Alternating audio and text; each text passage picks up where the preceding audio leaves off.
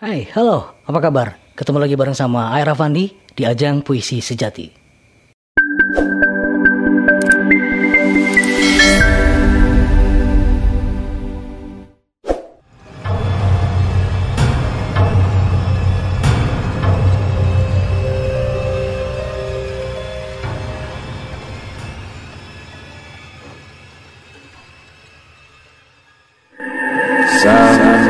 Yang maha agung Dengungkan kalimat-kalimat cintamu.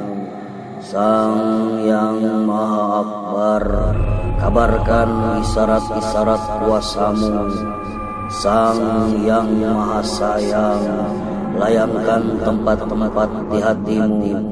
Sang maha rahim Kirimkan lekat-lekat kasihmu Sang yang sang yang sayang segala sayang dalam maha segala maha hati kasih cinta kuasamu. Eh, Bagaimana kita menulis sebuah puisi? Yang pertama, kita harus mencari ide, mencari ide. Apa yang ingin kita sampaikan ke pembaca? ide berdebat dari mana? Banyak. Ide kita bisa dapatkan dari semua yang apa yang kita lihat, kita kita lihat, kita dengar dan kita rasakan. Tips mencari ide adalah sering-seringlah kita keluar. Sering-seringlah kita nonton. Sering-seringlah kita membaca.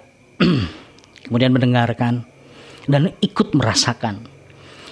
Dari situ kita bisa muncul ide-ide yang yang mungkin tadinya tidak terbersit sama sekali, tapi tiba-tiba akan muncul. Kalau kita hanya diam, katanya kalau nyari ide di kamar apa di kamar belakang, di apa namanya, di kamar mandi gitu ya. Ya bisa saja sih sambil ngelamun. Tapi biasanya proses itu muncul datang setelah kita jalan-jalan. Misalkan kita pergi ke pasar, kita melihat seorang pengemis bawa anaknya digendong, digendong satu orang anak bayi, satu orang lagi jalan dituntun. Kalau kalau hati kita sudah sensitif, ya berarti modalnya kita harus punya sensitivitas rasa dulu nih kalau kita ingin menulis puisi. Maka itu akan menjadi sebuah ide ide atau modal besar untuk membuat sebuah ide puisi. Yang paling mungkin mudah dilakukan adalah apa yang kita rasakan gitu loh. Apa yang kita rasakan? Apakah kita sedih? Apakah kita kecewa? Apakah kita marah? Apakah kita merasa iri, kecewa, dan lain-lain? Tumpahkan rasa itu menjadi sebuah kata-kata gitu. Nah ini modal awalnya adalah mencari ide. Kemudian menentukan apa sih yang ingin kita sampaikan ke penonton. Eh penonton, itu film ya. Apa sih yang ingin kita sampaikan kepada pembaca. Ya. Kemudian setelah kita dapat ide, kita milih uh, diksi, pilihan-pilihan kata. Nanti kalau kita tidak memilih diksi nanti akan akan apa ya seperti prosa gitu, seperti karangan biasa, seperti seperti karangan argumentasi ya, karangan narasi dan tapi ada juga puisi yang berbentuk seperti itu. Oke, kita tidak bicara lagi, tidak bicara dulu ke arah sana ya. Kita coba untuk memilah-milah kata dulu nih. Memilah-milah diksi dulu. Misal kita bermain-main dengan sinonim, dengan dengan apa namanya, dengan analogi, dengan simbol-simbol dan lain-lain. Dan itu eh, kemampuan itu bisa muncul dengan seringnya kita menulis, dengan seringnya kita membaca, dengan seringnya kita menulis. Kita juga harus punya punya apa ya, punya referensi atau punya acuan ya, penyair mana yang akan kita mm, kita jadikan referensi bukan untuk ditiru, bukan untuk diciplak apalagi. Karena sebagian orang ada yang berpendapat bahwa eh, nyari referensi itu adalah nyontek. Salah besar itu ya. Salah besar kalau kita berbicara seperti itu. Tapi minimal mencari bentuk, mencari pola, mencari style ya. Sebagai penulis pemula kita kita harus mencari gaya kita bercerita, gaya kita berpuisi, gaya kita menulis dan itu tidak langsung kita dapatkan jadi satu jati diri kita gitu. Tapi kita harus mencari eh, apa namanya referensi-referensi dari para penyair-penyair yang ada di di Indonesia ataupun di dunia gitu loh. Mungkin nanti akan menjadi sebuah perpaduan perpaduan yang utuh ketika kita sudah mendapatkan beberapa macam referensi yang ada. Diksi sudah kita pilih misalkan kita ingin kangen misalkan ya. Ada yang mengungkapkan dengan kangen tapi ada yang memilih kata dengan rindu. Padahal intinya sama kangen tapi dengan pemilihan kata ini tentu akan punya rasa yang berbeda-beda gitu, punya punya makna yang berbeda-beda. Kemudian kita juga memilih gaya bahasa. Gaya bahasa yang uh, kita ketahui banyak ya. Ada metafora, ada hiperbol, ketika suara langit menggelegar gitu ya itu lebay gitu ya bahasa lebay ataupun uh, nyiur melambai-lambai angin angin menampar pipiku. Itu juga juga apa namanya gaya bahasa. Masukkan itu sebagai bumbu dalam menulis puisi. Kemudian juga imajinasi. Nah ini yang mungkin akan itu ya. Imajinasi seperti apa? Imajinasi adalah bagaimana kita menulis puisi mengajak orang untuk membayangkan sesuatu membayangkan sesuatu, mengimajinasikan sesuatu dari apa yang kita tuliskan.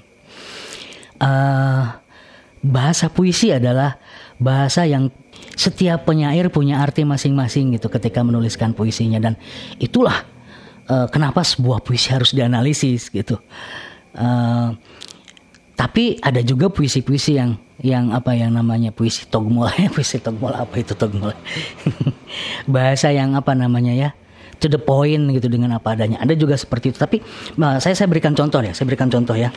Ada puisi saya nih di buku Gita Asmarandana. Judulnya adalah Mabuk Kutang. Hah, mabuk kutang. Mabuk kepayang mengingat kutang yang tersangkut di langit-langit kamar, berserakan tanpa isi. Mabuk kepayang mengingat mereka lari setelah menikmati isinya di sudut kamar mabuk kepayang di langit-langit kamar, mengharap kembali isi kutang yang dibawa lari. Oke, sepintas ini ngomongin masalah kutang. Pembaca akan akan dibawa imajinasinya membayangkan sebuah kutang gitu loh. Tapi jika dianalisis, puisi ini tidak sedang berbicara tentang kutang. Berbicara tentang apa? Silakan dianalisis sendiri di buku puisi saya. nah itu contoh imajinasi ya. Jadi membawa orang lain kepada dunia kita, imajinasi kita gitu. Oke. Kemudian uh, puisi, puisi juga ada puisi lama, ada puisi baru gitu. Di mana puisi lama terikat dengan bait, rima, baris. Ya. Bait, rima dan baris. Uh, di sementara di puisi kontemporer itu semua dilabrak semua, ditabrak semua, bebas. Bahkan misalkan puisi-puisinya uh, Sutarji Kulsumbari, uh, misalkan yang yaitu Winka, ya Winka, Winka, Winka, Winka semuanya gitu semua itu ada ada pengulangan-pengulangan gitu ya, pengulangan-pengulangan kata. Duka. Duka adalah tabir. Duka adalah misteri. Duka adalah air mata. Duka adalah tidak tahu. Atau nih, uh, berdarah tumpah darah. Dor, dor, dor, kedubrak. Hening. Sudah selesai. Cuma itu, itu puisi kontemporer yang apa ya? Tapi ada isi, ada ada makna di dalamnya. Rima, bait dan baris uh, adalah salah satu bumbu utama juga dalam sebuah puisi. Seperti halnya saya uh, punya puisinya punya Joko Pinurbo ya kalau tidak salah. Betul, kalau tidak salah betul. Kalau tidak betul berarti kurang lebih salah. Judulnya Kamus Kecil judulnya Kamus Kecil saya coba saya coba akan bacakan dan ini penuh dengan dengan bunyi ya. Bunyi permainan kata. Saya bacakan. Kamus Kecil Joko Pinurbo. Saya dibesarkan oleh bahasa Indonesia yang pintar dan lucu. Walau kadang rumit dan membingungkan ia mengajari saya cara mengarang ilmu. Sehingga saya tahu bahwa sumber segala kisah adalah kasih. Bahwa ingin berawal dari angan. Bahwa ibu tak pernah kehilangan iba. Bahwa segala yang baik akan berbiak. Bahwa orang ramah tidak mudah marah. Bahwa untuk menjadi gagah kau harus menjadi gigih. Bahwa seorang bintang harus tahan banting. Bahwa orang lebih takut kepada hantu ketimbang kepada Tuhan bahwa pemurung tidak pernah merasa gembira. Sedangkan pemulung tidak pernah merasa gembira. bahwa orang putus asa suka memanggil asu, bahwa lidah memang pandai berdalih, bahwa kelewat paham bisa berakibat hampa, bahwa amin yang terbuat dari iman menjadikan kau merasa aman. Bahasa Indonesiaku yang gundah membawaku ke sebuah paragraf yang merindukan bau tubuhmu. Malam merangkai kita menjadi kalimat majemuk yang hangat, di mana kau induk kalimat dan aku anak kalimat. Ketika induk kalimat bilang pulang, anak kalimat paham bahwa pulang adalah masuk ke dalam palung, ruang penuh raung. Segala kenang tertidur di dalam kening. Ketika akhirnya matamu mati, kita sudah menjadi kalimat tunggal yang ingin tinggal. Dan berharap tak ada yang bakal tanggal. Jelas sekali di sini Joko Pinurgo bermain-main dengan kata, bermain-main dengan bunyi gitu loh. Dan ini yang mungkin harus kita lakukan. Oke, buat semuanya tips menulis puisi dari Rumah Film Avandi mudah-mudahan bisa uh, memberikan wawasan yang makin membuka kita untuk berkarya, berkarya dan terus berkarya. Dan karena seni itu adalah kejujuran, mari kita berkarya dengan ikhlas. Salam.